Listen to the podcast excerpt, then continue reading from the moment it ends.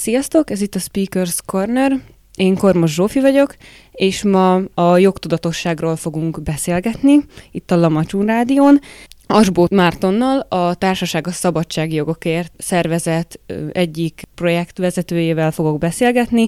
Alapvetően átfogóan arról, hogy milyen jogaink vannak, és hogyan tudunk velük élni a mindennapokban, mert nemrég felmerült a barátaimmal beszélgetésben, hogy mennyire nem is tudjuk pontosan, hogy milyen jogaink vannak, és például, ha megállít a rendőr, akkor mi az, amivel kapcsolatban eljárhat ellenünk, mi az, amivel kapcsolatban nem, milyen büntetési formák vannak, milyen procedúra az, amíg például igazoltat engem, és hogy milyen információkat kell megadni a számomra, mielőtt ezt a procedúrát elkezdeni. Ez azért is nagyon fontos, mert úgy gondolom, hogy Magyarországon alapvetően bizalmatlanabbak az emberek a hatalom túlkapásaival szemben, de ebben majd erősíts meg Márton, ha gondolod, és ezért inkább nem csinálnak dolgokat, és kevésbé állnak úgymond a nyilvánosság szférájába, és azt szeretném, hogyha mondjuk meghallgatjátok ezt az adást, akkor jobban tisztában legyetek a jogaitokkal, és esetleg bátrabban tudjatok a nyilvános térben is cselekedni. És ehhez akkor kezdeném azzal, azzal, hogy kicsit esetleg magadat is mutasd be, kérlek, és mondd el, hogy a TASZ az micsoda, és hogy hogyan működik. Sziasztok! Hát Asbut Márton vagyok, jogász vagyok, és ilyen minőségemben dolgozom a TASZ-nál. A TASZ pedig egy jogvédő szervezet, ami alapvetően azt a célt tűzte ki maga elé, hogy az állam által az állampolgárai felé elkövetett jogsértésekkel szemben lépjen fel.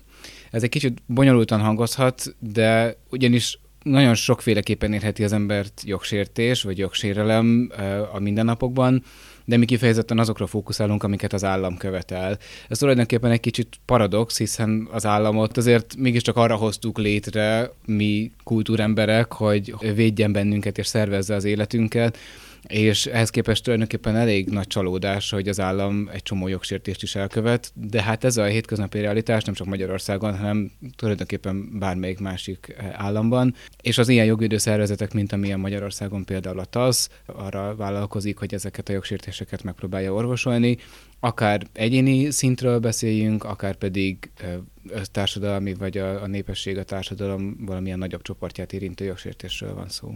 És akkor ez azt jelenti, hogy mondjuk a TASZ olyan ügyeket is vállal, amik egyéni szinten érintik egyes állampolgárokat, és olyat is, amik mondjuk csoportokat érintenek, hogyha így jól akarom lefordítani. Igen, azért bizonytalankodom egy picit a válaszsal, mert igen, ez teljesen így van, ahogy mondod, de a TASZ-nak folyamatosan változik a szerepe, ahogy változnak a lehetőségei. Korábban nagyon jelentős volt az a tevékenységünk, amit advokacinak hívunk, amikor közvetlenül mentünk el döntéshozókhoz, és eh, mondtuk el a véleményünket, eh, ezek általában jogi vélemények voltak természetesen, alapjogi szempontból vezettük le azt, hogy szerintünk az államnak mit kellene, vagy mit nem kellene csinálnia. Ez a lehetőség, vagy ez a tevékenység most arra nagyon beszűkült, mert sajnos a jogalkotó ritkán kíváncsi a mi véleményünkre, sőt, tehát ugye kifejezetten ellenségként próbál feltüntetni bennünket, ami a párbeszédnek nem vagy párbeszédre nem ad lehetőséget, és ezért nagyon eltolódott a tevékenységünk abba az irányba, hogy egyes egyéni jogsértésekben lépjünk fel. Viszont ezeket a jogsérelmeket általában úgy szoktuk megválogatni, hogy azok ahogy mi szoktuk őket nevezni, stratégiai ügyek legyenek, vagyis mindig olyan ügyeket igyekszünk keresni, amiknek van valamilyen olyan hatásuk, amik nem csak az egyedi ügyben, nem csak az adott jogsérelmet elszenvedő állampolgárnak az ügyében, hanem egy nagyobb közösség adott esetben az összes állampolgár ügyében e, valamilyen változást tudnak előidézni. Tehát, hogy egy példát mondjak, e, rengeteg sok műhiba per van az országban, mondjuk szülésekkel kapcsolatosan, e, hogyha mi ilyen ügyet vállalunk, akkor keresünk benne valami olyan specialitást, amiben valamilyen nagyobb változást tudunk elérni. A, azokat az ügyeket, amiknek már van előzményük, amik ha kicsit csúnyán akarok fogalmazni, akkor azt mondhatom, hogy egy kaptafára mennek, azokat nem szoktuk elvállalni, hanem mindig azt keresünk, amiben valami, valami jogi kihívás van. Ez azért is lehet, hogy az állam számára is könnyebben behatárolható legyen az, hogy melyek azok a kérdéses vitáspontok mondjuk egy jogesetben, amiket utána tisztázni kell, vagy iránymutatást adnak a következő esetekre. Tehát nem azért is, mert felteszem a szervezet próbál racionalizálni a működésében, és ezért olyan fontos ügyeket próbál elvállalni, amik így kicsit kívül helyezik az ingyenes jogsegély kategóriáján. Mi nem vállalunk ügyeket anyagi ellenszolgáltatásért, sőt, hogyha egy olyan pert vállalunk, amiben mondjuk sérelemdíjat vagy kártérítést kaphatnak az ügyfelek, abból sem szedjük le a magunk sápját, tehát nem sikerdíjas alapon működünk. Ez nagyon fontos az ügyvállalásainknak a szempontjából, hogy nincsen benne ilyen pénzügyi szál, ilyen pénzügyi ösztönző. Viszont olyan ügyeket igyekszünk vállalni, amik befolyásolhatják egy adott jogi kérdésnek a, a tágabb megítélését is. Ez azt jelenti, hogy bár Magyarországon nincsen precedens jog, ugye ez ismerős lehet az, akár mondjuk az amerikai filmekből, vagy aki ilyen műveket fogyaszt, az tudhatja, az angol száz jogrendszerben az van, hogy a jogszabályoknak nincs olyan nagy hangsúlyuk, viszont mellette a bírói döntések kialakítanak egyfajta tradíciót, és ezek is gyakorlatilag jogszabályként funkcionálnak. Magyarországon ez nincsen, hát a bírók vagy bíróságok jogszabályok alapján hozzák meg a döntéseiket, de hogyha egyszer egy kérdés eldölt, különösen akkor, hogyha ez egy magasfokú bíróságon dönt, dölt el, mondjuk a kúrián, akkor ez irányadó a későbbiekben a további alsófokú bíróságok számára is. Tehát, hogyha mi egy kulcsügyben a kúrián ki tudunk mondatni egy vitás jogi kérdésben egy, hát remélhetőleg olyan álláspontot, ami a mi elveinken is egyezik, akkor az a későbbi ügyekben hivatkozási alapként felhasználható. Ez nem azt jelenti, hogy ez feltétlenül jogilag köti a bíróságot, de egy nagyon erős hivatkozási alap. Hogyha már így a bíróságokat említettük, akkor milyen fokozatai vannak a tárgyalásoknak? Ugye van, lehet hallani első fokról, másodfokról is talán, és utána kerül a kúria elé, ha jól gondolom. És hogyha valóban így van, hogy ez a három lépcső van, és utána ugye azt hiszem, hogy a nemzetközi bíróságok elé lehet vinni. A másik pedig, hogyha mondjuk az első fokon a TASZ már bevonódik a, a jogi folyamatba, akkor a másod és harmad fokon is végig kíséri el, vagy hogy mi ennek a menete?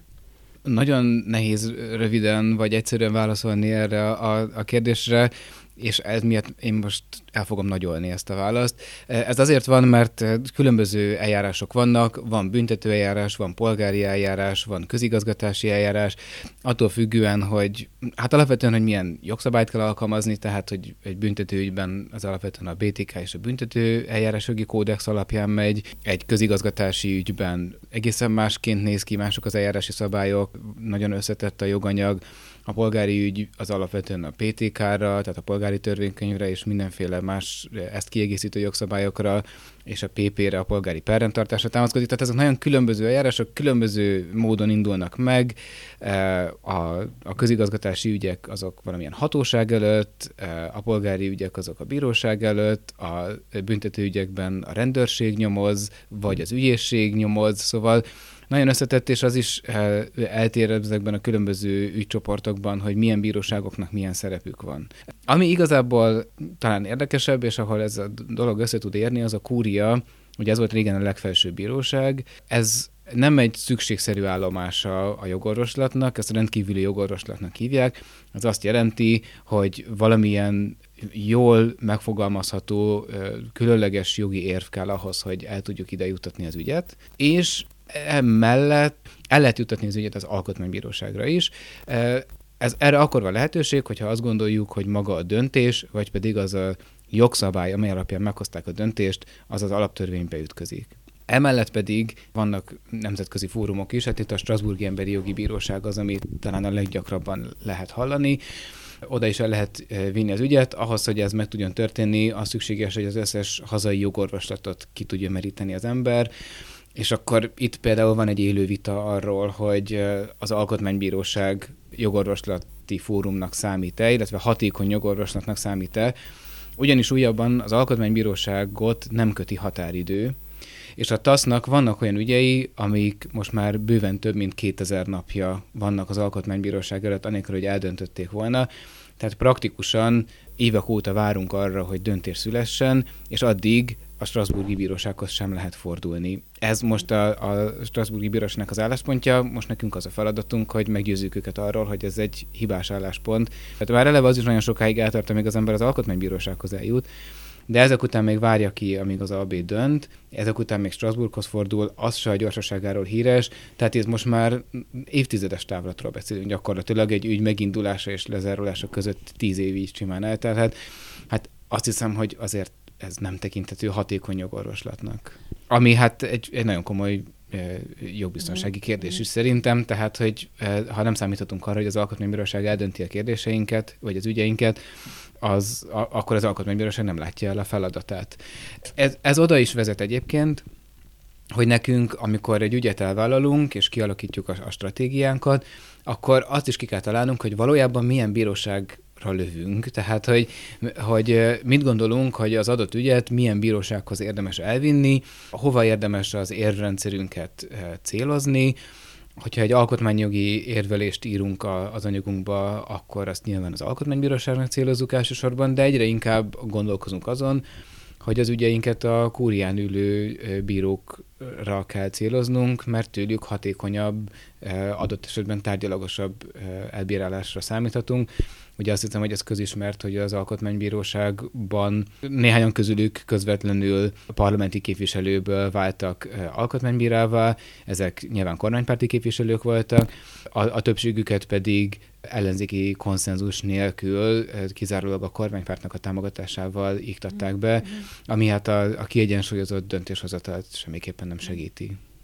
Lehetséges lenne létrehozni egy olyan szabályozást, ami kimondja azt, hogy ha mondjuk alkotmányozott többsége is van mondjuk egy pártnak, akkor is azért egy komoly vita és több párti konszenzus kelljen ahhoz, hogy mondjuk ilyen súlyos jogi lépésekben lehessen dönteni, vagy mivel az alkotmányozás jogát, hogyha sikerül egy pártnak úgymond népi legitimitás által megszereznie, akkor már minden döntést meghozhassanak?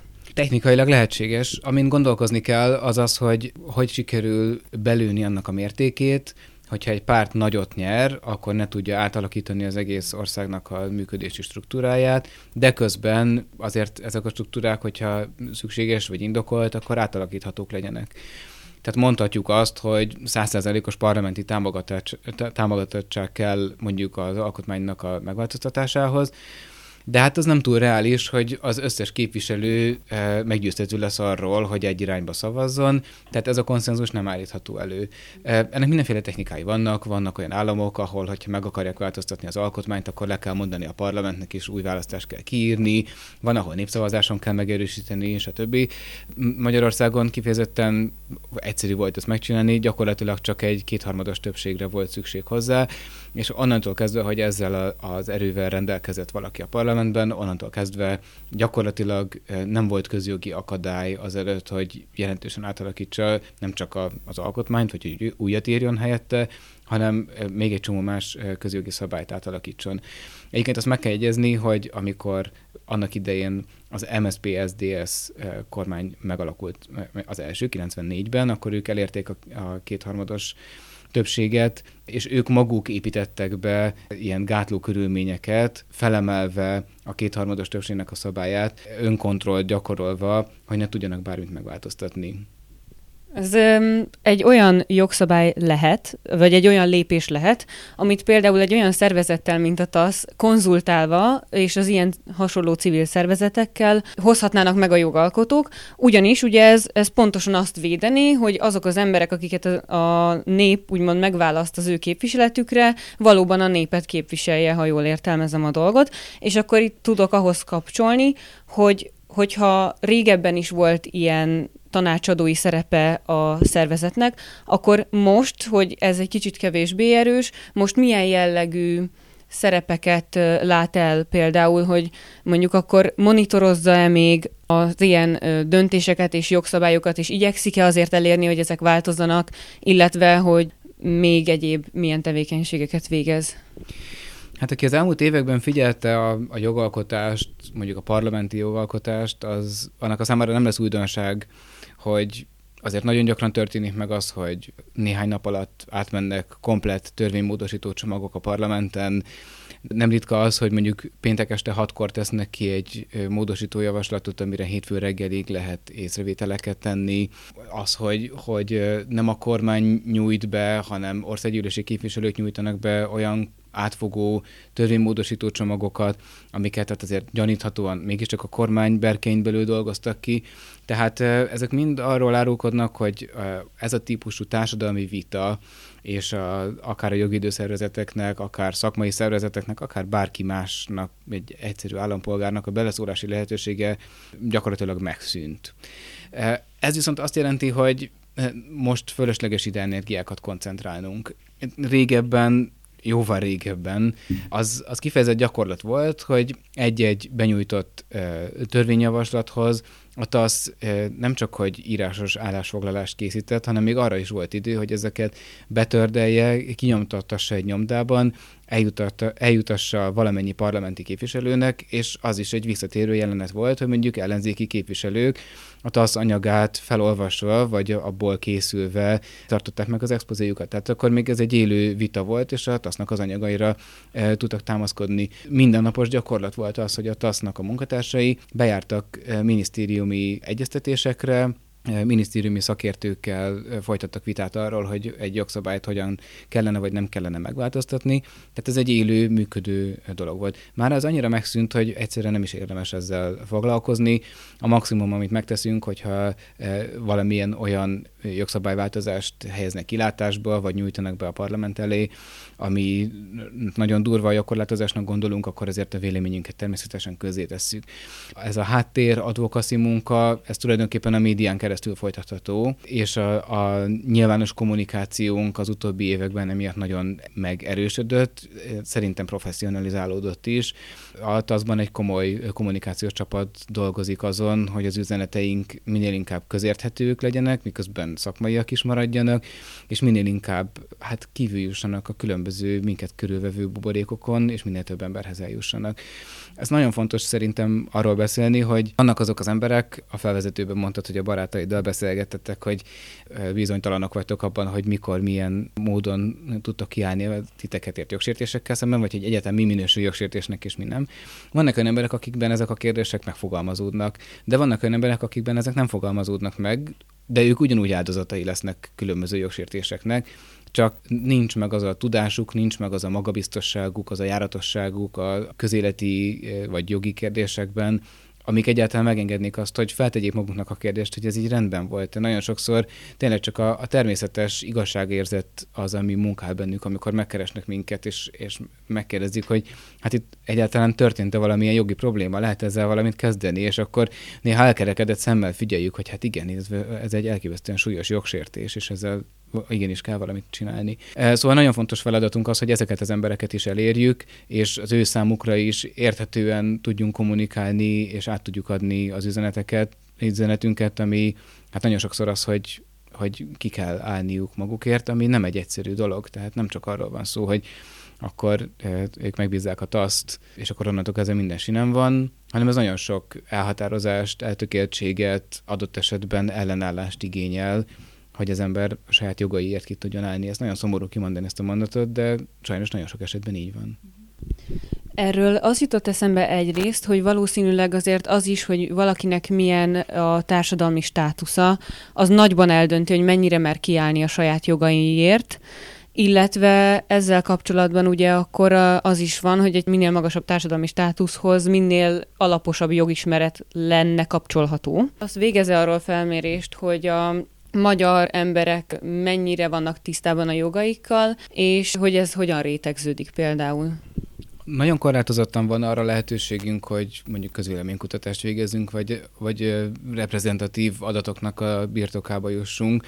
Úgyhogy hát általában inkább mások által végzett felmérésekre igyekszünk hagyatkozni. A hétköznapi tapasztalatunk az, a pontos jogismeret az nagyon ritka, tehát az, hogy valaki pontosan tisztában legyen, akár teljesen alapvető jogaival. Én nagyon sokat foglalkozom egészségügyel, és az, hogy valaki tisztában legyen, hogy milyen beteg jogai vannak, és most még nem beszéltünk arról, hogy ezeket érvényesíteni is tudja, csak egyáltalán tisztában legyen azzal, hogy mondjuk neki lehetősége van-e betekinteni egy beteg dokumentációba, ami egy, egy nagyon egyszerűnek tűnő és nagyon hétköznapi kérdés. Szóval úgy tűnik, hogy kevesen vannak, akiknek erre határozott válaszuk van, és akik tisztában lennének azzal, hogy őket megilleti ez a jog, vagy sem. Tehát kevesen vannak, akik pontosan ismerik a jogaikat, többen vannak azok, akik, akiknek van valamilyen elképzelésük arról, hogy mi igazságos, mi nem igazságos, mi van rendben, mi nincs rendben, mi az, ami mondjuk az ő számukra sérelmes volt, megalázó volt, amiben úgy érezték, hogy nem dönthetnek, mások átnyúltak a fejük fölött, mások döntöttek helyettük, kiszolgáltatott helyzetbe hozták őket,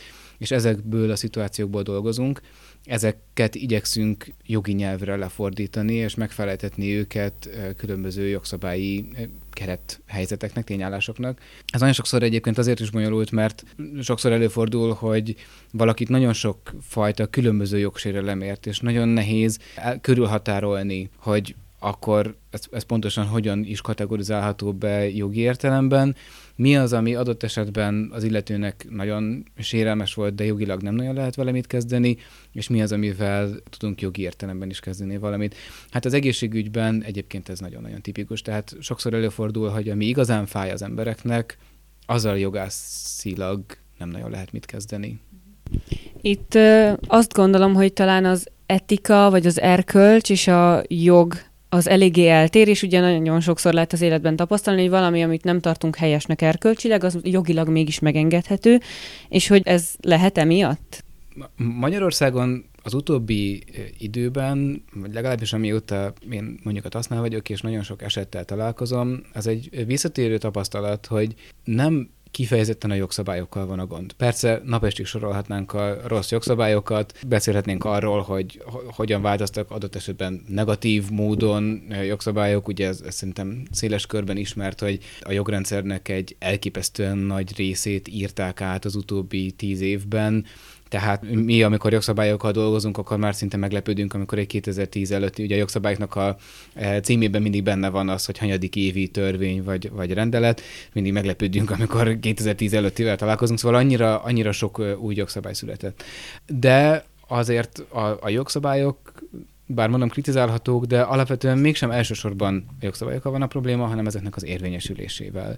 Mm. Bár az egészségügyi törvény, amiben ezek a betegjogok, amikről az előbb beszéltem, listázva vannak, az pont egy 98-as törvény egyébként, de nagyon-nagyon szépen le vannak írva, kifejezetten példamutatóan le vannak írva a betegjogok, csak az ember nem tud úgy elmenni eh, a, a kórházba, vagy akár egy szakrendelésre, hogy ezek közül ne sérüljön meg három, mm. négy, öt, tíz. És innentől kezdve nagyon gyakran felmerül az a kérdés, hogy hát hogyan kellene módosítani a jogszabályokon, hogy azokat jobban betartsák, hogy hogyan kellene etikai szabályokat, vagy, vagy különböző ilyen nem jogi eh, előírásokat, de mégis valamilyen normákat alkotni. De én erre mindig azt tudom csak mondani, hogy alapvetően azon kellene gondolkozni, hogy hogyan lehet a jogszabályokat jobban betartani, vagy betartatni, nem pedig azon, hogy a szabályokra hogyan ragasztunk ilyen további szabályozás rétegeket, aminek csak az lesz az eredmény, hogy a végén annyira átláthatatlan és kaotikus lesz a szabályozás, hogy igazából már senki nem fogja kiismerni magát benne.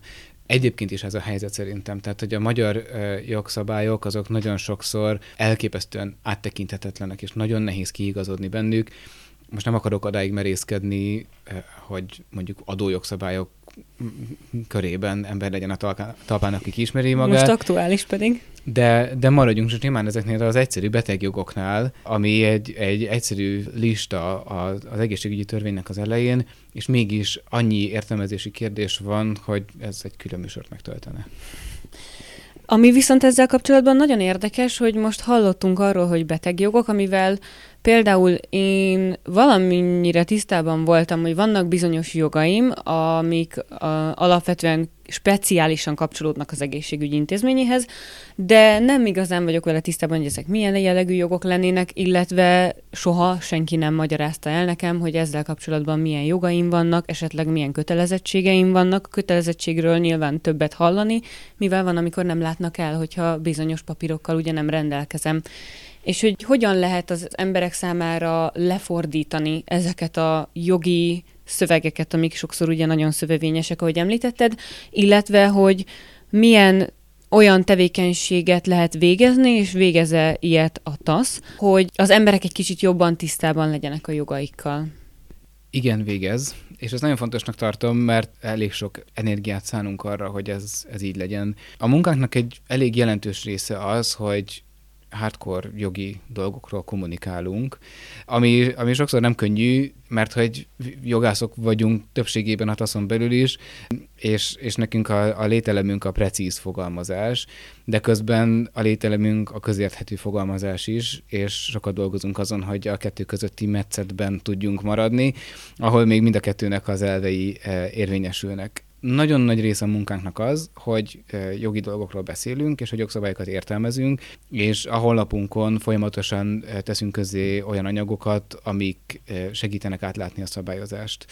Ezeket az anyagokat igyekszünk frissen is tartani, ugye említettük, hogy nagyon gyakran változnak a szabályok, de igyekszünk ezeket a tájékoztatókat tényleg elérhetővé tenni és, és frissen tartani.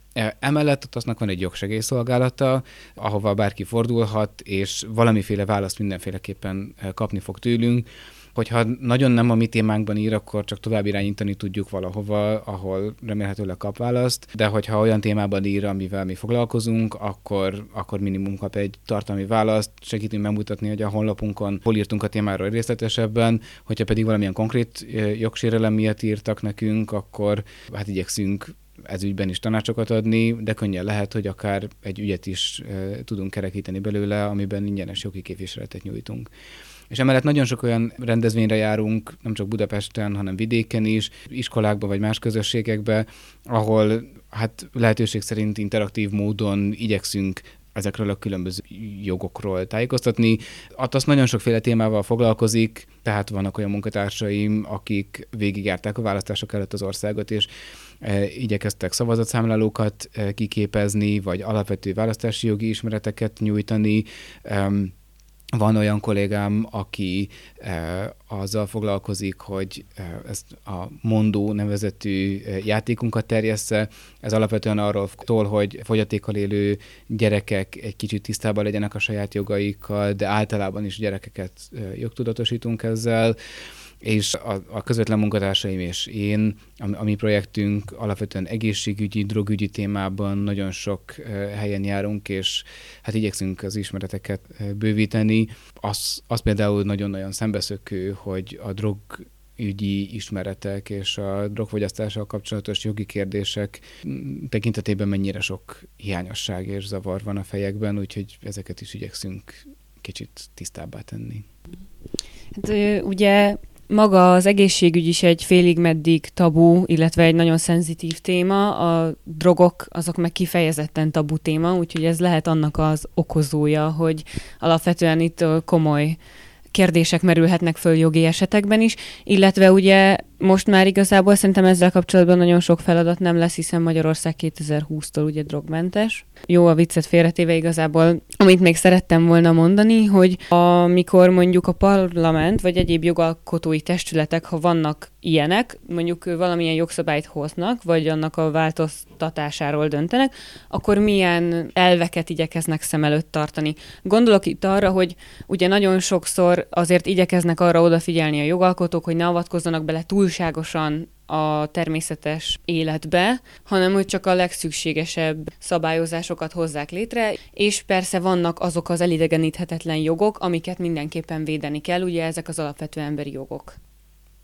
Jó lenne, hogyha látnánk egyfajta ilyen elvet kirajzolódni, hogy a, hogy a jogalkotó ezekre tekintetel van, vagy ezeket tiszteletben tartja, csak hogy egy egészen friss példát hozzak, a mi véleményünk az, hogy az új NAT, tehát az új nemzeti alaptanterv annyira szigorú, és annyira mélyen szól bele a diákoknak és a tanároknak az életébe, hogy ezzel már alapvető jogokat sért. Tehát ez például is egy ellenpélda, amikor úgy látszik, hogy a jogalkotó nem tartja tiszteletben a magánszférát, és nem tartja tiszteletben az alapvető emberi jogokat. Ugyanígy a drog témánál itt elironizálgathatunk persze ezen a drogmentes Magyarország eh, jelszón, ugye ez a kormánytól jön, ő írta bele a drogstratégiába, eh, Magyarországnak van, mindig is volt drogstratégiája, hogy 2020-ra Magyarországot drogmentessé kell tenni, ami hát nem csak azért ironikus, mert hogy ez többszörösen mindenféle államokban, mindenféle eh, próbálkozások, mindenféle fajtájú próbálkozások mentén bebizonyosodott, hogy ez nem lehetséges, ezt, ezt nem lehet elérni, ezt a célt, de ráadásul igazán hatékonyan nem is tettek ennek érdekében, és most én egyáltalán nem azt hiányolom természetesen, hogy nem lőtték halomra a dílereket a nyílt utcán, mint ahogy erre is van példa mondjuk a Fülöp-szigeteken, hanem hogy valójában nagyon gyorsan tönkretették az ártalomcsökkentő szolgáltatásokat, és mindazokat, akik valamilyen segítő módon nyúltak ehhez a témához, de egyébként nagyon mást nem csináltak, kriminalizáltak, vagy, vagyis beleírták a büntető törvénykönyvbe, vagy ott egyébként is benne volt, de mindesetre szigorították a büntető törvénykönyvet, hogy aki, akinél ezeket a bizonyos drogokat találják, azok büntetőeljárás alanyai legyenek. Most azért mondom ezt, hogy így, így hogy bizonyos drogok, mert tehát valójában az, hogy mi az, ami büntetőjogilag üldözött a tudatmódosító szerek közül, és mi az, ami adott esetben kifejezetten államilag támogatott, mint az alkohol, a pálinka, ami ugye hungarikumnak számít, a, vagy hogy milyen intézkedések történnek a dohányzás ellenében, ezek egészen különböző, ezekhez egészen különböző módon viszonyul a kormány. Szóval sajnos nem nagyon lehet egy ilyen általános elvet felrajzolni, hogy a jogalkotó tartózkodna attól, hogy belegyalogoljon az egyéneknek a magánszférájába, de még, még az sem, ami, amire utaltál, hogy ha esetleg valami ilyesmi történne, akkor, akkor fair módon igyekezzen ezeket a helyzeteket kompenzálni. Ugye, hogyha szintén egy aktualitás, arra gondolunk, hogy voltak olyan cigány tanulók, akiket elkülönítettek az iskolában, ezzel nagyon súlyos jogsértést valósítottak meg, ezért neki kártérítést ítéltek meg, és most arról zajlik a vita, szégyenszemre, hogy ezeket a kártérítéseket kifizessék-e nekik, amiket már egy bíróság megítélt.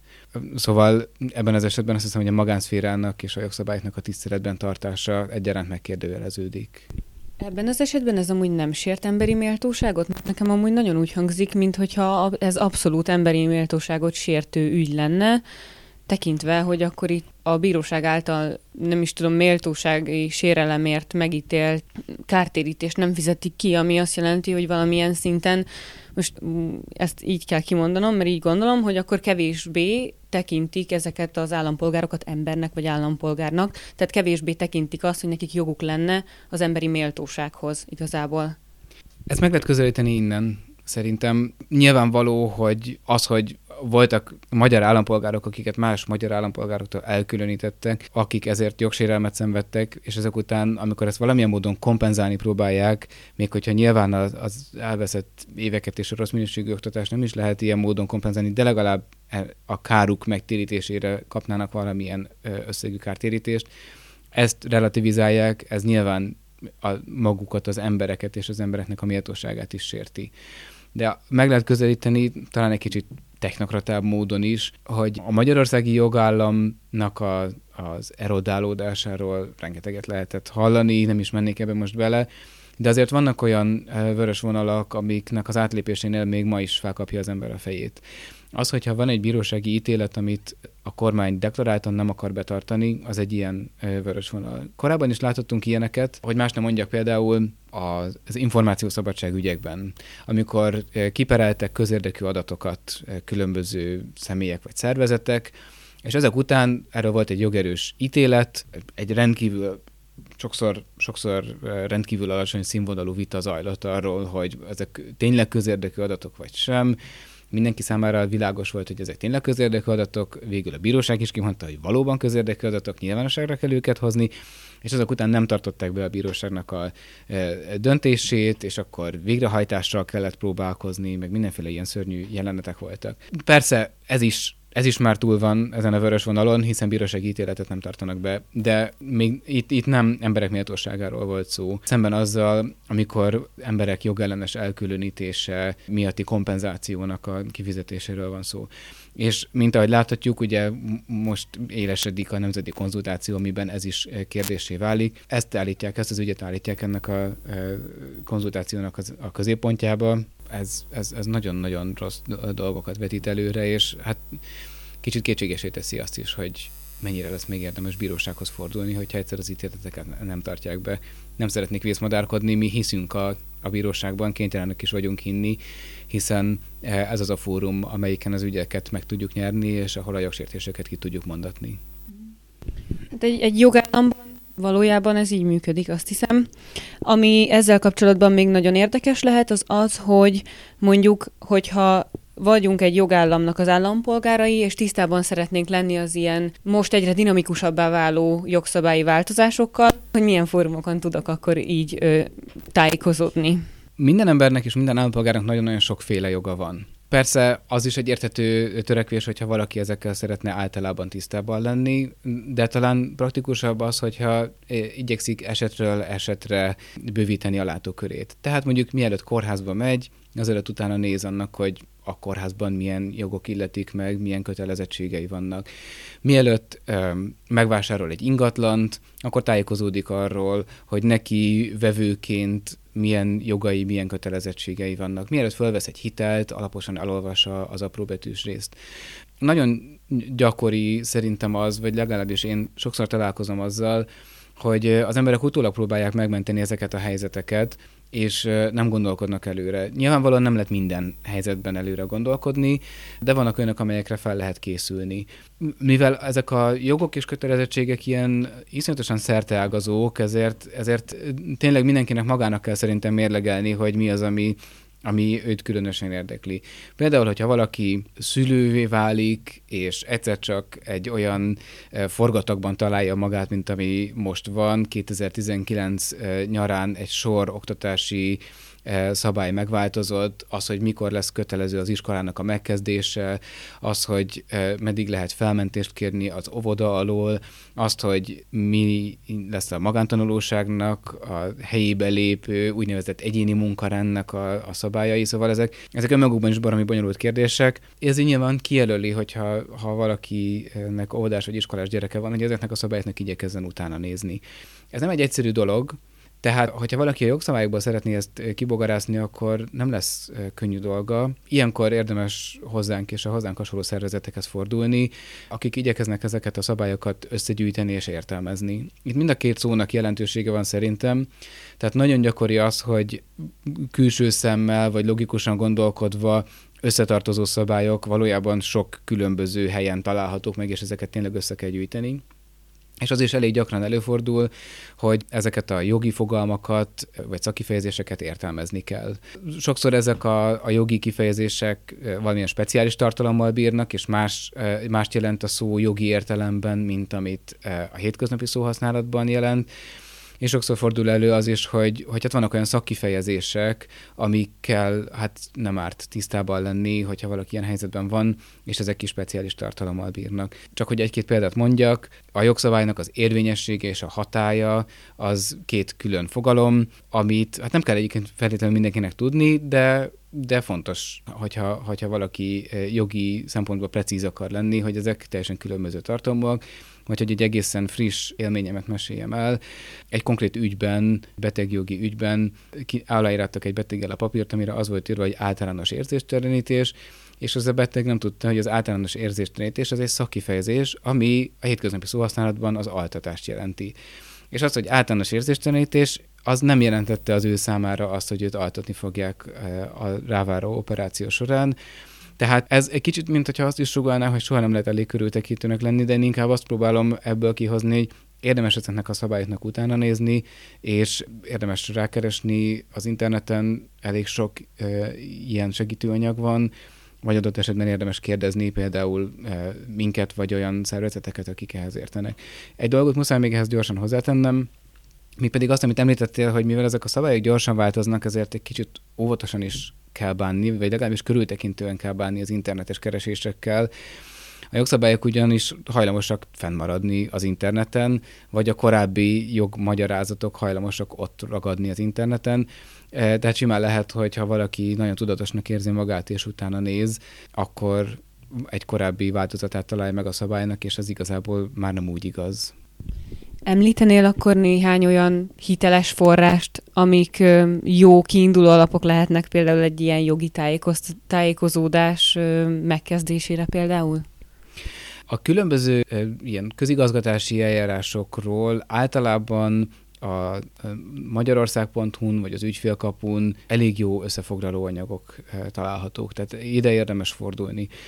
Itt is érdemes odafigyelni, mert már ennek is elég sok rétege van, tehát talán most ebben egy picit bizonytalan vagyok, de azt hiszem, hogy pont a Magyarország.hu az, ami már nem annyira frissül, de azért még nem is lőtték le. Szóval egy kicsit érdemes nyitott szemmel járni, általában oda van írva, hogy mikori állapotot rögzít az adott tájékoztató, de azért ezek többé-kevésbé használhatók. Érdemes nézni a jogvédőszervezeteknek az oldalait. Nem csak olyan jogvédőszervezetek vannak, mint amilyen a TASZ, amelyek emberi jogvédelemmel foglalkoznak, hanem van, vannak különböző mondjuk fogyasztóvédelemmel foglalkozó csoportok, vagy olyanok, amelyek a biztosítással kapcsolatos jog vagy érdekvédelemmel foglalkoznak, tehát az ő anyagaikat is érdemes megnézni. Vannak ügyvédirodák, amik kifejezetten hangsúlyt fektetnek arra, hogy legyenek ilyen tájékoztató anyagaik az oldalak, oldalaikon. Itt már sajnos fennáll a veszélye annak, hogy valójában egy régen frissült anyaggal találkozunk, és ez nem kellően napra kész, vagy, vagy kellően precíz. Nagyon óva intennék viszont mindenkit attól, hogy mondjuk a gyakori kérdésekhez, vagy, vagy hasonló ilyen oldalakhoz forduljon, nem csak azért, mert ezek is nagyon könnyen lehetnek idejét múltak, hanem azért is, mert azért itt elég sok tévhit vagy vélelem kering, ami valójában sosem volt igaz. Az érdekelne még, hogyha egy ilyen nagyon szövevényes terület van, mint például az internet, ahol azért a legtöbb ember nem szokta elolvasni sem az adatvédelmi szabályzatokat, sem semmi mást, és ezen sokszor poénkodunk médiaórákon is, hogy bele lehetne írni, hogy minden az nem tudom milyen szabályzatot elfogadó egyén jön egy ö, sörrel mondjuk a fenntartónak, és akkor azt be lehetne hajtani, de hogy nagyon sokszor a jog nem engedi, hogy bizonyos jogainkról lemondjunk, akkor sem, hogyha azt mi tevőlegesen megtettük. Talán ez lehet még így érdekes, hogy egy pár ilyen területet legalább, hogyha nem akarunk túl mélyen belemenni, elmondani, hogy mik azok, amikre különösen oda kell figyelni, és mik azok, amiket, amikre különösen oda kell figyelni, de egyébként nem is engedi semmilyen felsőbb szabályozás úgymond, hogy lemondjunk. Igen, hát ezeknek a általános szerződési feltételeknek a hosszúsága és bonyolultsága az tényleg néha ironikus. Nekem az egyik kedvenc ilyen akcióm az az, hogy azt hiszem egy ausztrál színész volt, aki az egyik ilyen nagyobb cégnek végigolvasta a valami ezer oldalas útmutatóját, és ebből csináltak egy nagyon jó videót, ahol ahol látszik, hogy folyamatosan olvas, és a fürdőkádban, és a biciklin ülve, és nem tudom, mindenféle helyeken, és a végére természetesen teljesen kikészül, mire ezt felolvassa. Nyilvánvalóan ez így nem felhasználóbarát, de hát az a helyzet, hogy ezekhez mi aktívan hozzájárulunk. Nyilván első ránézésre fájhat az, hogyha kiderül, hogy valójában mi fizetünk egy ingyen sört a szolgáltatónak, de az a helyzet, hogy ennél sokkal drágább dolgokkal fizetünk, például az adatainkkal. És ezt nagyon nehéz felmérni ma még, hogy ezekkel az adatokkal mit lehet kezdeni. Nagyon széles vélekedés az, hogy I've got nothing to hide. Magyarul, hogy nincs, nincs mit elrejtenem. Hát most, ha véletlenül valaki látja azt, hogy milyen színű alsónadrág van rajtam, hát Istenem, hát most látja. Az esetek többségében nem is valójában ez a primer információ az érdekes. Nyilvánvalóan, hogyha ezáltal érzékeny információk birtokába kerül egy cég, akkor az felhasználható ellenünk, de sokan mondják azt, hogy hát ilyen érzékeny információk az én életemben nincsenek. A kérdés az az, hogy mikor válnak ezek az információk érzékenyekké, és ez az, amit soha nem tudhatunk. Nem tudhatjuk, hogy az, ami most csak egy ártatlan információ morzsának tűnik, ez mikor lesz adott esetben felhasználható ellenünk. De ez még mindig egy nagyon direkt kapcsolat.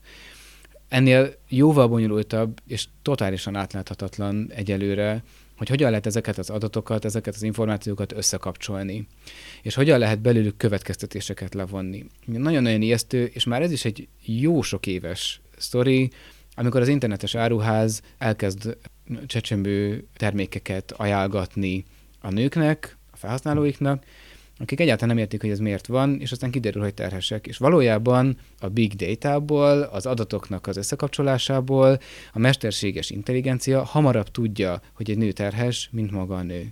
Ez, ez egészen ijesztő, és ez még mindig egy nagyon-nagyon direkt kapcsolása az információknak. Tehát nagyon-nagyon óvatosan kell szerintem ezzel eljárni.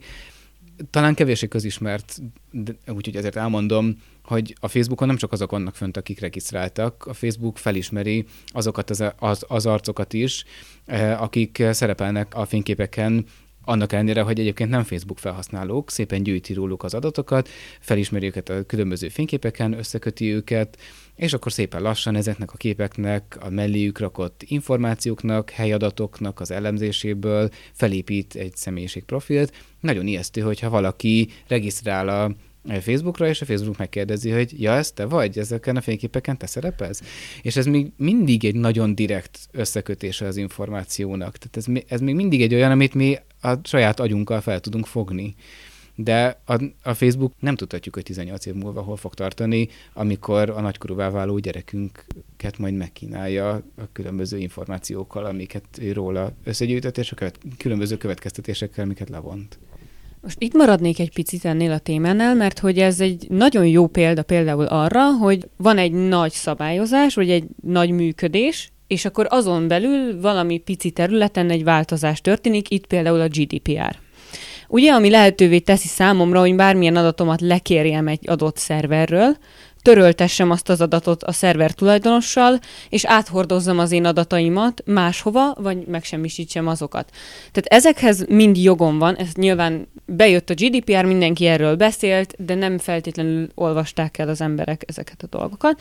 A másik pedig az, hogy így aztán számomra az most kérdésesé válik, hogy akkor például bármilyen közösségi média vagy egyéb média alkalmazás, amit használunk, az felismerhet-e úgy engem, hogy én ahhoz nem járultam hozzá, hiszen most Európában a GDPR szabályozásnak köszönhetően nekem be, hozzá kell járulnom ahhoz, hogy tárolja és rögzítse és kezelje az adataimat.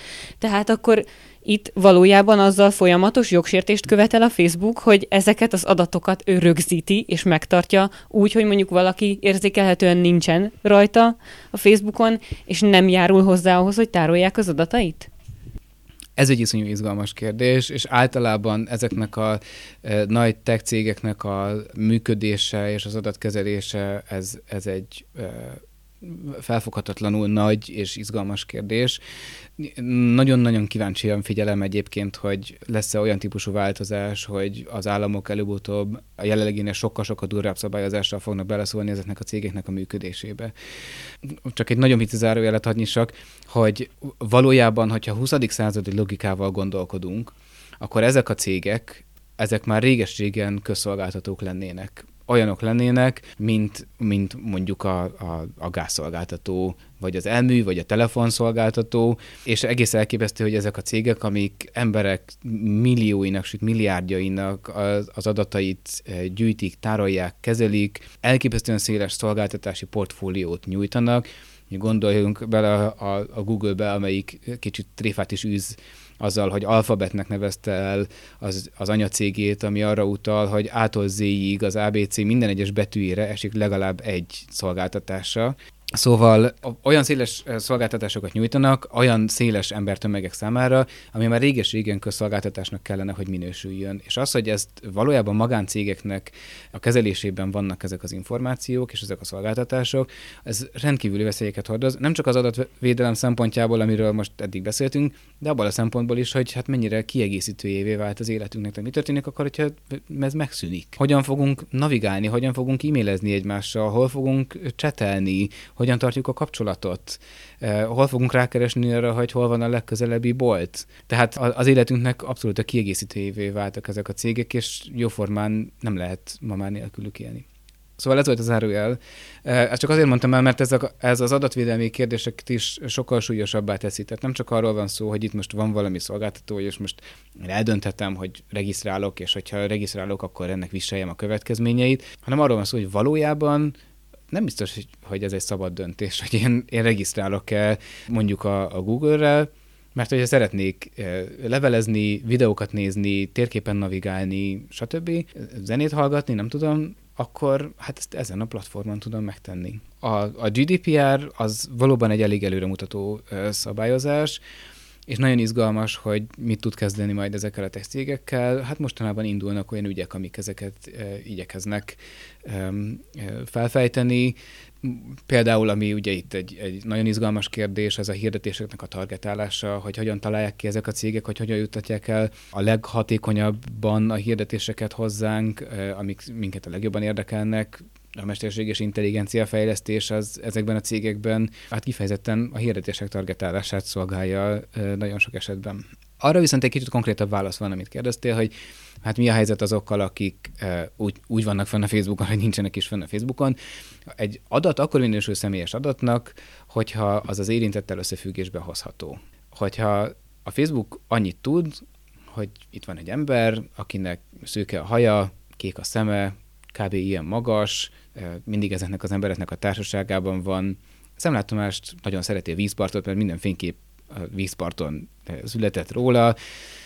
Most nyilván ilyen, ilyen vicces kategorizálásokat mondok, csak azt tudom mondani, hogy, hogy be tudja azonosítani, hogy igen, ez az az ember, ezeket és ezeket az információkat tudom róla, de nem tudja, hogy ez kicsoda. És addig, ameddig ez így van, addig ez nem egy személyes adat, tehát, hogyha ha én látom, hogy itt van egy piros autó, aminek ez és ez a rendszáma, akkor én tudom, hogy hát van egy ember, akinek van egy piros autója, aminek ez és ez a rendszáma, de ez csak akkor válik személyes adattá, hogyha látom, hogy az az ember száll be, aki mondjuk a szomszédom, akinek tudom a nevét. Tehát valahogy így tudnám ezt párhuzamba állítani, hogy a Facebook mindaddig nem személyes adatokat kezel, ameddig nem tudja, hogy ez kicsoda. Amit itt nagyon érdekesnek tartanék, hogy ugye nagyon sok cég vagy intézmény szabályozza azt, hogy mit oszthatunk meg a közösségi médiában, és a szabad vélemény nyilvánításhoz való jogomat, azt milyen mértékben szabályozhatja mondjuk egy iskola, vagy egy vállalat, egy, egy munkaadó?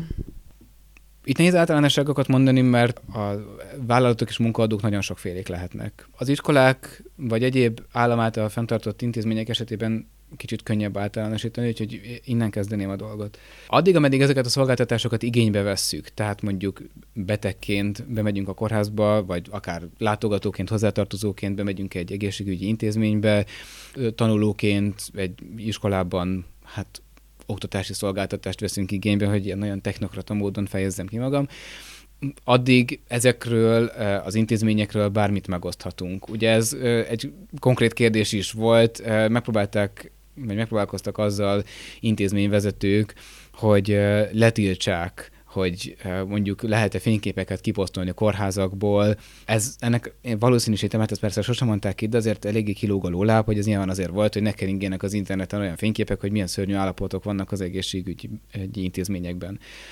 Ez nem korlátozható jogszerűen. Itt arra kell figyelni, hogy más beteget ne fotózzunk le, vagy ne videózzunk le, ne derüljenek ki az ő személyes adatai, ne, ne sérüljön az ő privát szférája. De, hogyha erre figyelünk, akkor természetesen eh, bármit lehet. A diákok is szabadon nyilvánítatnak véleményt az iskolájukról, elmondhatják, hogy miért jó vagy miért rossz. Hogyha mondjuk tanárokról mondanak véleményt, akkor szintén a, a személyiségi jogokat eh, tiszteletben kell tartani. De hát ez tulajdonképpen az élet minden területén így van.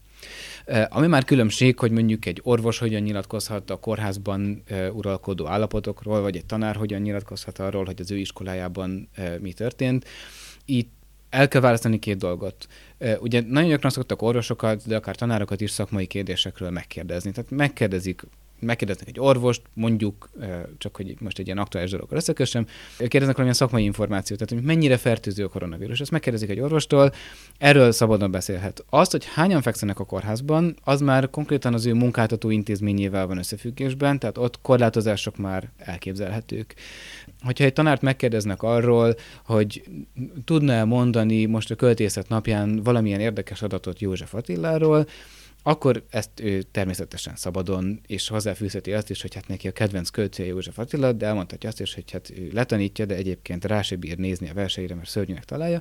De hogyha arról van szó, hogy ebben az iskolában történt egy baleset, és akkor elmondaná el, hogy mi volt annak az előzménye, akkor már, hát so, sajnos nem tudok általánosságokat mondani, ezek mindig egyelire kell mérlegelni hogy, hogy hogyan és miképpen lehet erről nyilatkozni. Különösen így van ez, hogyha belső viszonyokról kell beszélni. Tehát, hogyha kiszivárog az, hogy az igazgató azt mondta az igazgató helyettesnek, hogy vagy nem tudom, valaki adott egy jogellenesnek tűnő utasítást, vagy ilyesmi. Szóval, hogyha intézmények belső életéről van szó, akkor hát egyedileg kell mérlegelni azt, hogy mit lehet és mit nem lehet mondani. A vállalatok, cégek esetében pedig bejön még az üzleti titoknak is a kérdésköre, Tehát itt azért nagyon sok minden letiltható. Nyilvánvalóan egy tech cégnél, vagy egy, egy, egy szoftvergyártónál, vagy hát tulajdonképpen bármilyen cégnél, amelyiknél van valamilyen technológia, amelyik abból él, hogy ezt a technológiát ő alkalmazza, vagy adott esetben ő állítja elő, van egy know-how.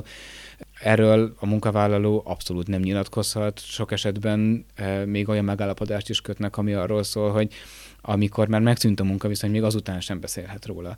Szóval az, ez, meg, ez már egy egészen másik helyzet. Köszönöm, és most már csak az a bevezetőben is felvetett téma maradt hátra, hogy például mit tehet velünk szemben egy a hatalom által meg feljogosítottan eljáró ember, például egy rendőr, amikor igazoltat minket. Honnan lehetünk tisztában ezekkel a jogszabályokkal, és hogy mi az, amit mondjuk te a legfontosabbnak tartasz ilyen személyi jog Hát a TASZ oldalairól például elég sokat lehet erről tájékozódni. A rendőr nagyon sok különböző eljárásban eljárhat, nagyon sokféle élethelyzetben találkozhatunk vele. Ugye simán lehet, hogy megállít, és azt mondja, hogy ez egy közúti ellenőrzés, és kéri a papírokat, és fújjuk meg a szondát.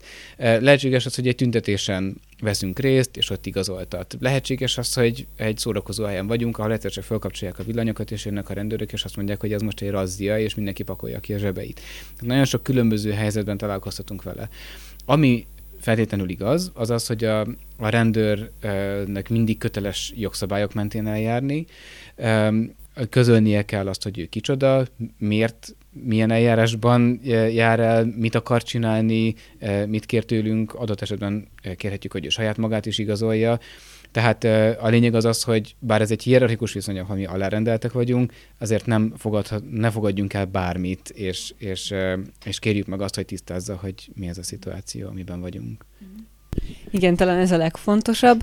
Ami így felmerült bennem, hogy egy jó pár éve megtörtént, hogy baráti társasággal baromkodás folyamán nem a rendőröknek, de a rendőrök jelenlétét észlelve elkezdtek ezen poénkodni. És követte ezt az egészet egy igazoltatás, amiben a két eljáró rendőr nem mutatta be magát, és utána is igazából csak annyi történt, hogy, hogy igazoltattak mindenkit, nem mondták, hogy miért, stb.